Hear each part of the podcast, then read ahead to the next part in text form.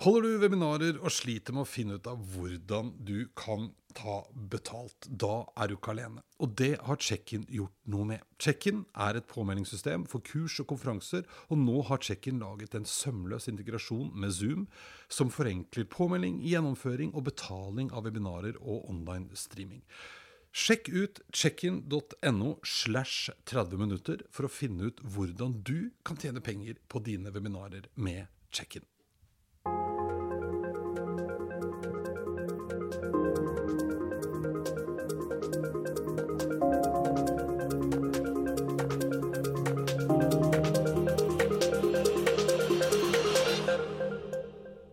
I dag så skal det handle om kommunikasjon, eller om informasjon, som dagens gjest mener vi skal kalle det. Gjesten i dag det er ingen ringere enn min onkel, onkel Erik Hansen. Han har jobba mer eller mindre hele sitt liv med informasjon, både i privat og i offentlig sektor. Han har jobba i byrå, i NRK Radio, en av de aller første nærradiostasjonene som kom. Han har vært journalist, og han har vært informasjonssjef i VG og i Aftenposten, og til slutt så var han informasjonssjef i Oslo kommune.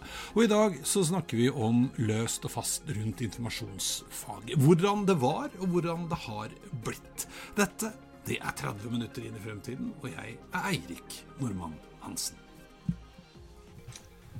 Sånn. Hei, onkel Erik. Hyggelig å bli invitert. jo, det skulle bare mangle. Du har jo har vært her før.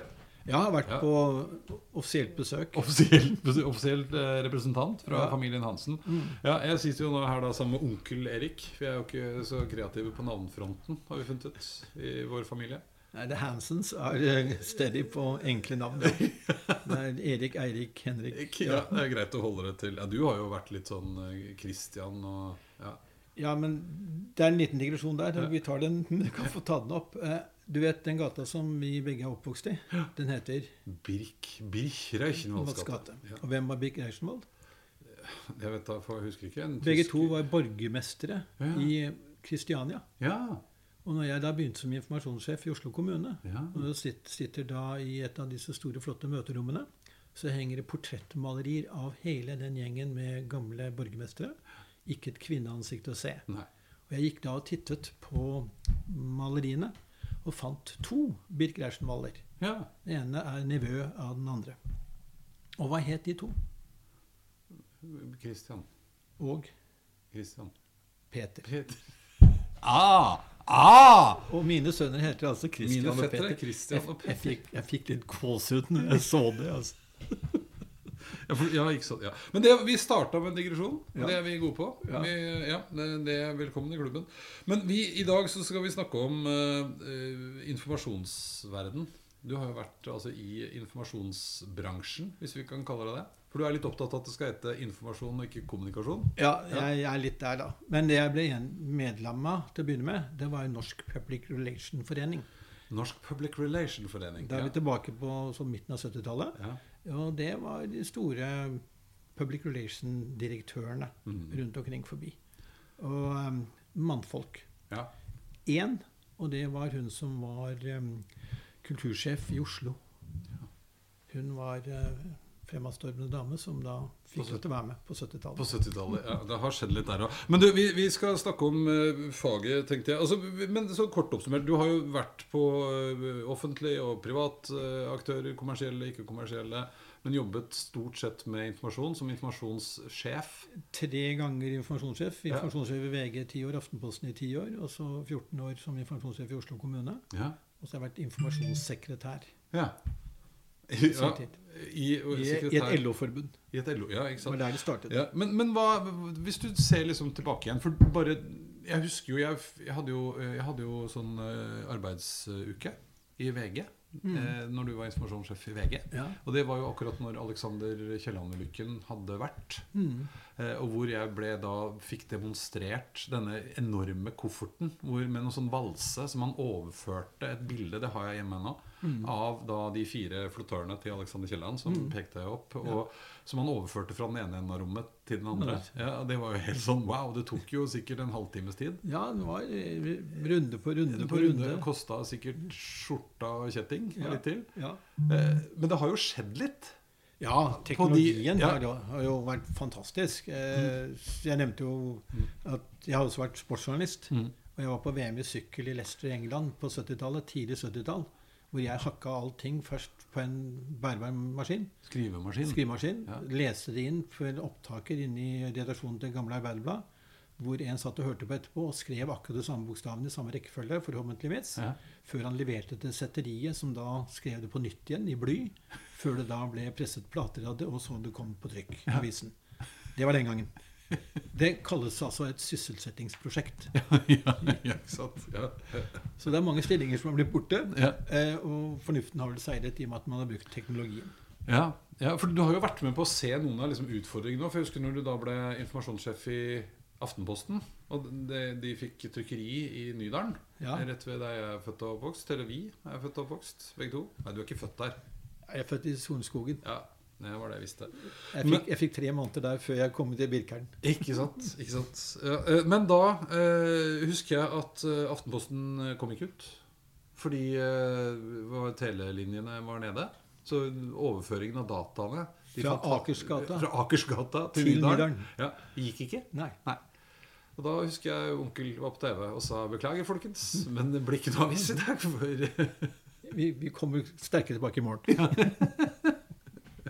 Men, eh, men, men hva liksom altså, det- Og det er jo teknologien, men er det noe som har endret seg i, i måten vi liksom tenker kommunikasjon på? Det har jo vært noen sprang.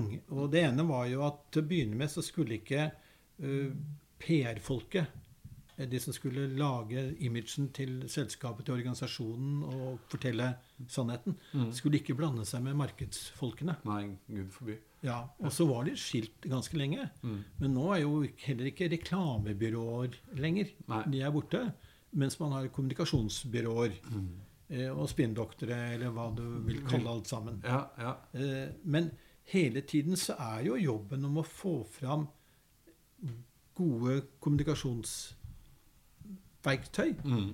Og kunne få fram budskapene som er viktige både for organisasjonen Mm. og for eventuelt kundene eller innbyggerne, hvis man snart jobber i det offentlige. ja, ja. Og så er det med kanalvalg. Man hadde jo kanalvalg før også. Men eh, de eh, kanalvalgene er jo- liksom ikke det man er strider om i dag. I dag har man jo ofte sin egen kanal. Mm. Enten bare med en, en eh, nettside, eller en blanding med en, en Facebook-side og andre sosiale plattformer. Mm. Det kan bli for mye. Mm. Men det har overrasket meg, er jo helt fra steinalderen, altså 70-tallet, og fram til i dag, er at hvis det skjer noe, så føler folk at de ikke får informasjon. Mm.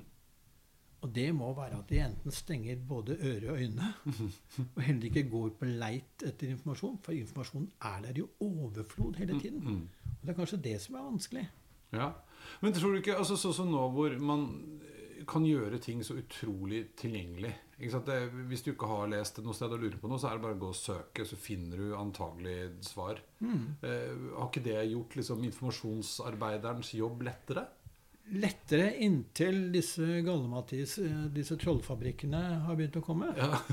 Så det spørs jo altså, hvilken bransje er du, eller på hvilket nivå er du. Mm. Altså, når jeg jobbet i Oslo kommune, så var det jo ingen som kom opp med fake ting. Mm. Altså, vi, vi var ute med det som vi mente var reell og god informasjon til publikum, til ulike aldersgrupper, til ulike bydeler. Mm. Men da å konkurrere med dagen i dag med disse trollfabrikkene i tillegg, Mm. det tror jeg er en større utfordring. Ja, ja, ja. ja, men Tror du ikke det også har vært med på å, å gjøre at folk kanskje kvier seg litt for å komme ut med informasjon? Jo, det, altså, det som er rart, er jo at nå, nå tror jeg det man har klart med denne koronaperioden å forstå at det å lytte til fagfolk, det er ikke dumt. Altså lytte på all annen informasjon. Mm.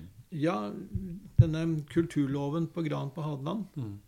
eh, Stakkars han som fornektet det hele og dessverre har gått bort. Mm.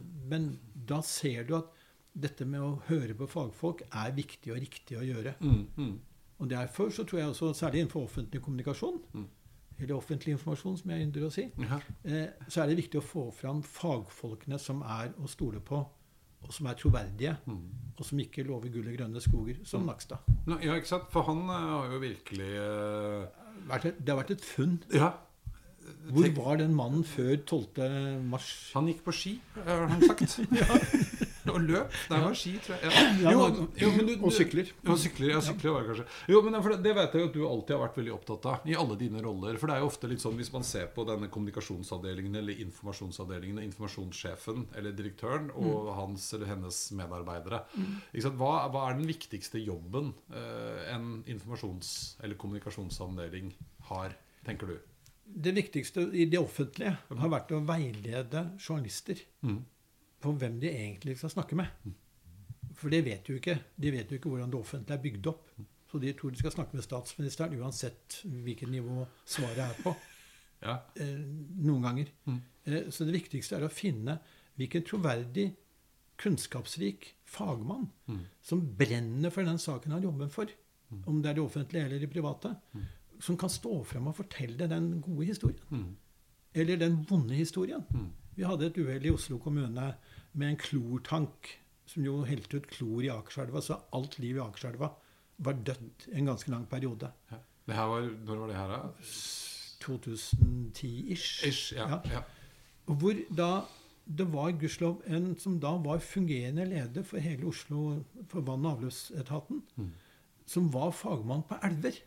Altså elvene i Oslo, det var hjertebarnet hans. Mm. Og han ble da selvfølgelig intervjuet litt aggressivt Mm. av Østlandssendinga med en gang.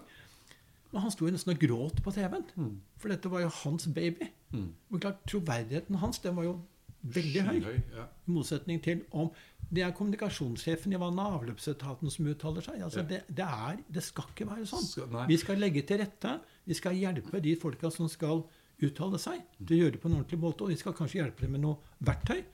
Men la nå de få lov til å stå fram. Mm. Ja, for det, Her føler jeg var et sånt skifte som kom altså til og med når jeg begynte i bransjen, og vi jobba i Kobra. Med, som da bare drev med corporate branding og veldig mye selskapskommunikasjon. Og, og, og selskapene hadde store kommunikasjonsavdelinger. Og man, liksom hele dette corporate-språket som ble veldig glossy og veldig upersonlig og, og veldig liksom overfladisk på mange måter. Og veldig ekspertorientert ofte. Eh, som plutselig, når bloggene kom, dette var jo lenge før sosiale medier, så var det plutselig stemmene eh, der inne. Vi ville snakke med eksperten, ikke med eh, kommunikasjonssjefen. Fordi I motsetning til det du fortalte meg før, da, så, så det ikke, har det ikke vært uvanlig at det veldig ofte er en informasjonssjef eller en kommunikasjonssjef som ofte er talsperson, eh, sånn nest etter administrerende f.eks. i Nei. selskapene. Og jeg mener det er feil. For troverdigheten til oss informasjonssjefer og kommunikasjonssjefer den er ikke ganske så stor høy. Og spesielt ikke hos motparten, som jo ofte er mediene. Mm. De vil snakke med den som har skylda, Ja. eller den som har ansvaret. Mm. Mm. Eller ikke minst, og det var det jeg jobbet mye med, hvem er det som kan dette? Mm. Hvorfor gikk det sånn som det gikk? Uten å prøve å, å legge skjul på noe som helst. Mm. Mm. Den åpenheten. Og åpenhetskultur, den har jeg vært for i Ja. min, mine jobber. Ja. Altså, tenker- det at Aftenposten ikke kom ut, det kunne jeg gå på Østlandssendinga og fortelle klokka seks om morgenen. Mm. Også fordi jeg bodde rett over elva for Østlandssendinga. og gå ut med det. Men det var ikke alle som i vår organisasjon i Aftenposten syntes det var greit. Nei. At det skulle gå ut og fortelle det. Nei. Hvorfor ikke kom ut? Ja, det gikk til helvete. Jo, jo, men det er jo noe Så med det. enkelt, ja. Jo, nei, for, men, men føler du ikke at det også da har blitt litt sånn forsterka av den eh, digitaliseringen som vi på en måte har sett da eh, i, i vår bransje? Altså Før så var det litt som du sa, kanalvalg var jo noe vi drev med, men det var ikke så mange. Ikke kunne, det var en fire-fem forskjellige steder. Ja, nei, du kunne jo Er dette fagmessig viktig? Altså Hvilken fagblad er det som har noe med dette her å gjøre? Mm. Er det lokalt? Hvilken lokalavis kan også være interessert i dette? Og så var det da noen kommunikasjons- eller informasjonsdirektører Mm. som var veldig oppsatt på Kan vi ikke få det i Dagsrevyen? Ja. Så hadde de brukt alle de ressursene de har brukt på å få ting i Dagsrevyen, på den hverdagslige informasjonen og kommunikasjonen, Ja. så hadde nok den selskapet eller den organisasjonen ligget langt over. ja, for det er noe du er litt opptatt av. Altså Det du kaller for Hva, kaller du det? Hverdags, Hverdagsinformasjon. Ja. Ja. Altså, hva er, hva er Det største øyeblikket mitt i så måte, det var eh, VG lå i Akersgata, som det nå gjør igjen. Ja. Akersgata 34. Og ved bygget ved siden av så var det en bankfilial. Oslo Sparebank jeg som hadde en bankfilial der. Og så hadde bankledelsen oppdaget at de skulle ha en gebyr på sjekker. ja. Hvis noen husker hva sjekker var. Det var bare det at de hadde glemt å fortelle til noen. De som satt i skranka. ja. Og da kom kundene hvelvende inn og skreik og hylte om dette forferdelige gebyret. Og jeg er enig. Gebyr det gebyr meg imot også. ja. Men de visste jo ikke hvorfor det var kommet, og hva det var. Nei. For noen hadde glemt hverdagsinformasjon og forteller de i fronten at nå kommer det et nytt gebyr. Så, så du skjønner jo nå at den der krigen med DNB kontra S-banken, Ja. den, um, den sitter i ryggmargen på veldig mange av oss. Ja, ja, ja, ja. Men, men så, så se nå. Nå er du jo blitt en voksen mann. Det må være lov å si. Ja, ja. Ja, eh, og, og nå jobber du jo også mye med eh, pensjonistene. Pensjonist, hva heter det for det? Eldre, eldreråd. Eldrerådet Ja. i Sagne, og bydel. Bydel. Og så jobber jeg i noe som heter Sagne Torshov eldreuniversitet. Ja, det var det jeg tenkte Som skal være en sosial møteplass, i tillegg til at vi skal kunne tilegne oss ny kommunikasjon, ny informasjon. Ja. Og nå i år, for der har det vært, jeg har vært og holdt foredrag en gang på Ja. gode, gamle Sandaker-biblioteket på Sandaker. Torså bibliotek. Det, det heter Torså bibliotek, som ligger i Sandaker-senteret. Rett over gata for eh, Sagene Sagene og Bjølsen Valsemølle. Ja, Ja. Lett skal det ikke være. Nei. Så drit i Google Maps. Det funker ikke der. Men jeg var i hvert fall i det området ja, og holdt foredrag. Men så eh, kom koronaen eh, og lockdown. Og hvordan har det gått med foredragene da? Nei, det har vi det, måtte da holdt på å si, egentlig legge på is. Men så har vi forsøkt oss, vi også, å bruke ny teknologi. Mm. Eh, og våre medlemmer i Svagen, Eldre, og Torshov Eldre Universitet er jo eh, 67 til 90. Mm. Eh, og vi fikk til at den, vi fikk foredragsholderen til å gjøre det på skjerm. Eh, vi fikk folk til å sitte og høre og se på, men det var ikke så veldig mange. Nei. Og det har noe med den teknologiske løsningen Mm. Selv om den har blitt mye, mye mye bedre på det siste året, Mm. så lå nok det litt langt unna. Mm. Og ikke minst det Du mistet det sosiale. Ja.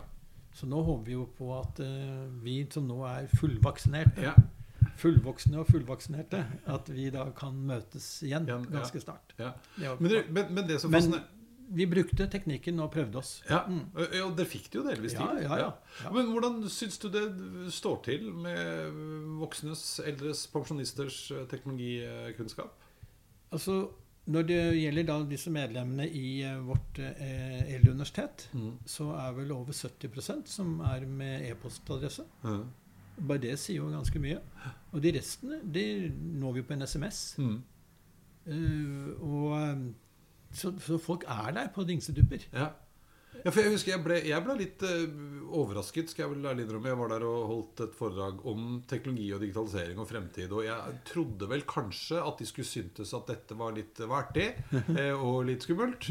Men jeg, jeg tror ikke jeg har fått Det er ikke mange ganger jeg har fått så mange spørsmål fra salen, og så mange som ville komme bort og snakke mer og høre mer etterpå. Og, ikke sant, og de har jo smarttelefoner og iPader hele bøtteballetten, og det funker jo aldeles utmerket. Og det som er fint, er jo at noen av disse jobber jo også med frivillighet i bydelen ved å hjelpe de andre voksne som ikke har tiltatt seg all den kunnskapen. Så dette med digitalisering av overfor innbyggerne, altså bare ikke bare bydel Sagre, men hele Oslo by, er jo en stor jobb. Mm. Å få folk til å forstå at eh, Men vi må jo hjelpe de som ikke klarer det, da. Og da er Deichman er jo, har jo vært, men den har jo også vært stengt. Men eh, det er jo et sånt sentralt punkt som, som hjelper folk som trenger å få gjort et eller annet digitalt. Men, men eh, litt tilbake igjen til eh, Det var en liten eh, avstikker, det også. Men, men tilbake igjen til liksom rollen som informasjonsavdeling. Eh, hvis man nå sitter der og lurer litt For jeg tror det er en del som lurer litt på hva, hva er det som, hvordan skal vi gå frem, hva skal vi gjøre som er smart? Basert på din eh, lange lange erfaring. Ja, men Du var litt inne på det i stad. Det viktigste målet er kanskje ikke å komme på Dagsrevyen. Nei, man, man prøver jo Før så var det veldig enkelt å ha litt sånn kontakt med frontlinja. Mm. Altså de som satt uh, sentralbord. Mm. Eller nå sjekke hva er det som kommer av spørsmål. Mm. Uh, Vi jobbet jo med å digitalisere Oslo kommune. Og det første vi jobbet med, var jo uh, søknad om barnehageplass. Ja. Det skjemaet var noen som hadde funnet ut at det skulle du til bydelen og hente for å fylle ut. Ja. Og så sa jeg men vi kan vel legge det ut på nettet. Mm. Eh, den, vi snakker om 2001-2002. Ganske tidlig, det også. Eh, nei, det, fordi da trodde folk at de også kunne fylle ut på nettet. Ja, men de slipper jo å gå til bydelen og hente det. Mm. Altså gjøre det enklere for folk. Mm. Og praktisk. Og så kunne de jo fylle ut, og så kunne de jo levere Eller de kunne kanskje etter hvert også skanne det og sende det. Sånn, ja. Det, det, det gikk. Gikk an. Det gikk an. Men det, det var litt motstand mot det. Ja. Eh, og så Vi hadde jo også da en, en telefon som var inn til rådhuset. Og når da ingen kunne svare på noe, så handlet det i informasjonsavdelingens desk. da. Og vi Mm. hadde et par-tre stykker som satt og svarte på gode spørsmål fra folk. Mm. Og de også rapporterte hva er som er spørsmålene, eller hva er det de nå er opptatt av. Og så lagde vi da saker til internett, internettet på det. Mm. Som, eller om det var brosjyre eller var andre ting. Eller hvilken gruppe er dette, hvor stor er den? Kan vi kanskje lokalisere den i alle bydelene og få til noe? Mm. Mm. Og da var det en som ringte en dag. Denne Rikvoldsen fra Kjelsås. Han, eh, han var ganske så stille og rolig av seg. Ja. Og da spurte en dame ringte og var litt harnisk at eh, nå hadde hun ringt flere offentlige kontorer i løpet av denne formiddagen. Hun hadde ringt og ringt og ringt og fikk ikke noe svar. Og de tar telefonen med en gang. Har de ingenting å gjøre, de? Det er gullhistorien. Det er gullhistorien fra informasjonssenteret til Oslo kommune. Rådhuset. Sjøsiden. Så Nei, men det er altså lodde litt stemning. Mm. Stemning er, er viktig. Og se hva andre gjør. Mm. Og det har jeg også lagt vekt på som leder i informasjons... Jeg hadde jo medarbeidere både i VG og Aftenposten og ikke minst i Oslo kommune. Du må stadig gå ut og titte hva gjør andre. Mm. Og det å da delta på et seminar eller et foredrag eller eh, på en konferanse, Mm. det la jeg vekt på at alle må gjøre. Det er Mm. alltid noe å lære. Ja. Du kan lære at det vi gjør, er riktig. Mm. Eller du kan lære at her gjør noen som er smart. Mm. Og hele tiden følge med på det. Følge med, ja.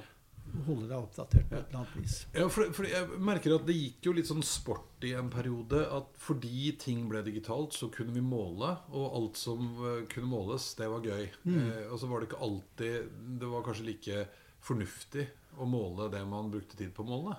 Eh, Nei, Jeg har aldri vært så veldig begeistra for disse målingsresultatene. mm, Eh, Jeg vet Amerikanerne er veldig opptatt av det. Og jeg har vært på en del internasjonale konferanser hvor de kommer og snakker om at 23,48 av den amerikanske befolkningen Hallo, 23,48. mm. Altså, Så har du en 3% den ene veien og 3% den andre veien. Kunne du ikke da sagt 24 Ja. ja. Amerikanerne har alltid komma og to tall. Ja, ja, ja. Uansett. Cirka. Ja. 23,48. Ja. Ja. Eh, ja, nei, fordi Vektlegger man liksom noen ganger eh, Eller er man god nok til å sette mål, tror du, for, for kommunikasjonsavdelinger? Nei, det tror jeg ikke. Det har i hvert fall ikke vært min styrke, Nei. egentlig. Nei. Altså Det viktigste er, eh, som jeg sa, skal da hvordan skal du da kunne måle det du gjør i Oslo kommune? Mm. Og så har jeg sagt Målet mitt er at folk som er på jakt etter den informasjonen, Mm. skal kunne finne den, eller få hjelp til å finne den. Mm. Mm. Det var det viktigste. Mm. Og Derfor må du også sette det indre apparatet i stand til å kunne hjelpe, og at det er en forutsetning for at du gjør en god jobb. Mm. At du hjelper de som er på jakt etter informasjon. Men, men så hvis jeg skjønner det riktig, så er det fortsatt sånn at det, det å kanskje være mer en sånn type fasilitator eh, når det kommer henvendelser inn, eh, forstå hvem de egentlig bør snakke med, eh, klare å mobilisere eh, og få tak i de folka som burde svare på det spørsmålet, som er ekte og ordentlig. Eh, hadde dere noe system for å, å trene de også? Ja, Vi hadde tilbud internt i Oslo kommune, Mm. i den sentrale informasjonsavdelingen som jeg ledet, Mm. at vi kom til oss på kurs. Eh, Så skal vi, lære deg hvordan du skal kunne håndtere eh, spørsmål. Mm. Altså, og, og vi så at så fort du har Altså du ikke får panikk, Mm. så klarer folk å annamme en god samtale med en, med, med en journalist. Mm. Altså både med mikrofon og med bilde og det hele. Men vi har alltid sagt gi deg selv tid. Mm. Det har vært mitt beste råd bestandig. Mm. Ikke begynn å svare med en gang. Mm. Finn ut hva vedkommende er på jakt etter. Og si ja. du, 'Jeg må ringe deg tilbake igjen om tre minutter'. Ja. Og da ringer du tilbake igjen om tre minutter, men da har du i hvert fall en tid til å omstille deg. Ja, ja. Det har vært en av de viktigste tingene. Ja, for det er jo litt sånn altså, Det er jo på en måte det litt fine nå at nå foregår veldig mye kommunikasjon skriftlig på et eller annet vis. Ja, jeg sender deg et svar på e- e-post. E-post. Ja, ja. Mens det der, altså de færreste eh, har jo opplevd å få den mikrofonen midt i trynet. Eh, når du egentlig var på vei ut av kontoret et annet sted. Ja. Eh, det er ikke bare bare å håndtere det. Har du noe eh, stalltips? Ja, altså, Står du der fysisk, så er det jo bare å invitere dem inn og si du, 'Jeg bare må på toalettet'. Ja. Det, det er ikke verre de. Eller hvis de ringer deg privat mm. 'Du, jeg driver og lager middag, men jeg kan ringe deg om så x antall minutter'. Og hvis det virkelig brenner, virkelig er store ting, som vi gjorde etter 22. juli, Mm. så sa vi alltid fra Vi har bref, pressebrief klokka Mm. 19.30. Mm. Og da holder du det ordet. Mm. Og da blir det faktisk stille. Du henviser til det. For vi skal jo håndtere en krise. Mm. Sånn som da 22. juli var i 2011. Men det er jo også ikke sant, uten tvil en veldig sånn ekstrem situasjon. da Men hvis du flytter over til For jeg likte jo litt av det der For det er jo et big deal egentlig når avisen ikke kommer ut. Ja, ja. Ja. ja. eh, Jo, men allikevel så syns jeg det er noe litt sånn herlig ærlig med det. Mm. Eh, og så skjønner jeg at det helt sikkert får jo konsekvenser, for det er masse penger og greier. Mm. Men, men, men det er jo noe med den derre litt sånn At man kanskje ikke skal gjøre ting så himla komplisert alltid. Nei, altså, jeg har alltid sagt når vi har holdt kurs Mm. eh, Og vi hadde en, en god kollega, Per Erik Borge, som jo var tidligere anker i Dagsry, Mm. til jobbet i avdelingen, så han vet jo også hva han snakker om. Og og det er vær deg sjøl, altså. Mm. Ikke prøv deg med en-endelser når du alltid sier a-endelser. Altså det, det, det blir bare krøll ut av det. Ja. Altså, ro ned. Mm. Det, det er det viktigste. Og hvis du blir intervjuet, og det ikke er direkte, så kan du si stopp. Ja, så har man jo faktisk For det er min erfaring òg, at eh, det å spørre om å få lov til å lese eller se før det blir publisert, Ja. det får man som regel lov til. Ja, ja, ja. Men du skal ikke skrive om artikkelen. Nei, nei, nei. Da blir det litt uglesett. Ja. Eh, Men også i, i- i direkte Mm. så sa jeg at hvis du føler at du har svart på spørsmålet, Mm. så ikke svar en gang til selv om man stiller spørsmålet på en annen måte. For det er også et sånt uh, slu uh, triks med mikrofon. Ja, ja, ja. At du da stiller spørsmål på en litt annen måte og tror du skal få et litt annet svar. Og så skal du prøve å hjelpe den stakkars journalisten da, som tydeligvis ikke skjønte hva du sa første gangen. Du, Mm, han skjønte veldig godt hva du sa første gangen, men det passa liksom ikke helt, Helt inn, i, i saken. Og Der ser man jo også at folk som er drevne, har akkurat uh, lest eller hørt på boka til godeste Barack Obama. Ja. Eh, og hvor han snakker om når han begynte å få dreisen på eh, rett før han da vant valget første gang. Mm. Eh, hvor han skjønte at han egentlig ikke nødvendigvis skulle svare på det journalisten spurte om. Nei. Det var bare en invitasjon til å få lov til å fortelle det han hadde lyst til å fortelle. Ja. Eh, og det er jo dumme å bruke det litt for det det er verdt også, da når du først får tilgang til den mikrofonen.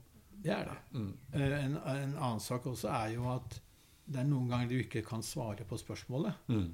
For hvis du prøver å svare på spørsmålet, så innrømmer du egentlig noe som egentlig ikke er riktig. Ja. Så, det, det spørsmålet kan jeg ikke svare på, for det stemmer ikke. Nei. Så det er Nei, også litt viktig. Men prøver, tilbake til det enkle. Mm. Hvis du er opptatt av å gjøre en god jobb på kommunikasjon, som det nå heter siden, så er det å gjøre de daglige tingene både for den interne organisasjonen og den eksterne organisasjonen. Mm. Og så gjøre de små tingene som, som gjør at du kanskje får kommet et lite steg videre. Videre, ja. ja. Og, og fokusere kanskje litt mer på som du sa i sted, altså de hverdagstingene. Ja. Eh, mer enn Det er gøy å få noen store seire, men det viktigste er jo faktisk å fremme bedriftens eh, ve og vel. Basert på den innsikten som du da har klart å få fra frontlinja di. Det er jo fortsatt sentralbord, og det chattes jo og sendes spørsmål og mailer og tjo og hei. Ja. I min første periode som medlem av Norsk Public Relation Forening, så var jo det et godt råd. Første du skal snakke med hvis du tar en ny jobb, det er sentralbordet og vaktmesteren. ja, ja. ja.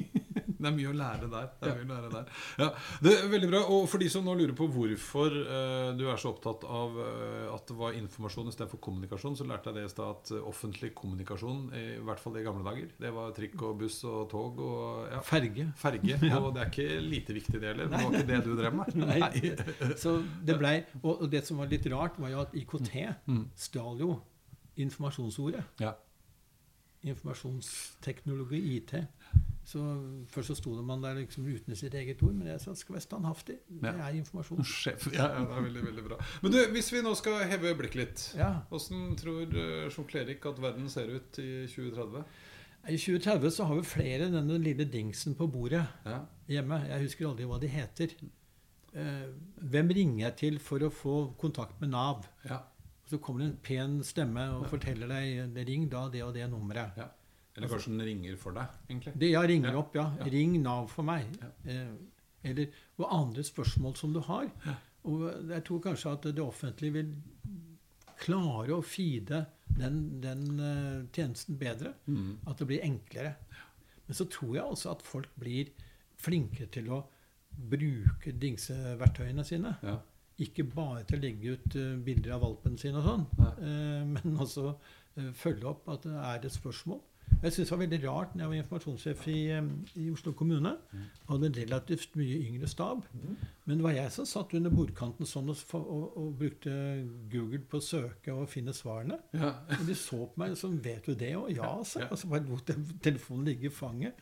Men det er, må jeg lov å bruke de verktøyene ja. kontinuerlig. Og bli fortrolig med dem. Og så se hvem du skal stole på. Ja. Vi kan jo prøve å se. Altså, Alexa How to apply for kindergarten.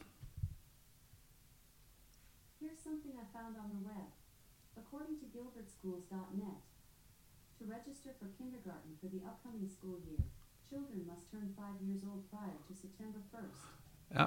Så hvis du trenger altså barnehageplass i Amerika, så kan vi ordne det. Det tror jeg blir et veldig godt verktøy hvis du kan kommunisere på godt norsk Ja, ja. med dem. Det har jo faktisk kommet. da Det var Ja. jeg som var en litt gammel versjon. Ja. Ja. Nei, men eh, Mer informasjonsteknologi. Lettere å bruke. Dette tilgjengelig For, godt norsk. Og det er viktig. Som er enkelt og klart godt norsk. Ja. Ikke minst også for våre nye landsmenn. Ja. De forstår det når det er enkelt og, og godt Ja. norsk. Og det er jo, ikke sant, Dette henger jo også sammen med det som populært eh, blir kalt for, eh, for, for, for, for, for universell utforming. Ja. Som også handler om språk. Mm. Jeg så på et eh, program på NRK her om dagen. Kan vi avslutte med? Det syns jeg var veldig gøy. Jeg syns det er gøy med norske ord for teite engelske. Ja. Eh, og aldri tenkt på det før. Men influenser er jo viktig. Det heter jo selvfølgelig på norsk påverkar. Ja, ja, ja. ja. Det syns jeg var fint. Så det syns jeg påvirker mye bedre. ja. Tusen hjertelig takk for besøket, onkel. Veldig helt klart. Takk for at jeg fikk komme.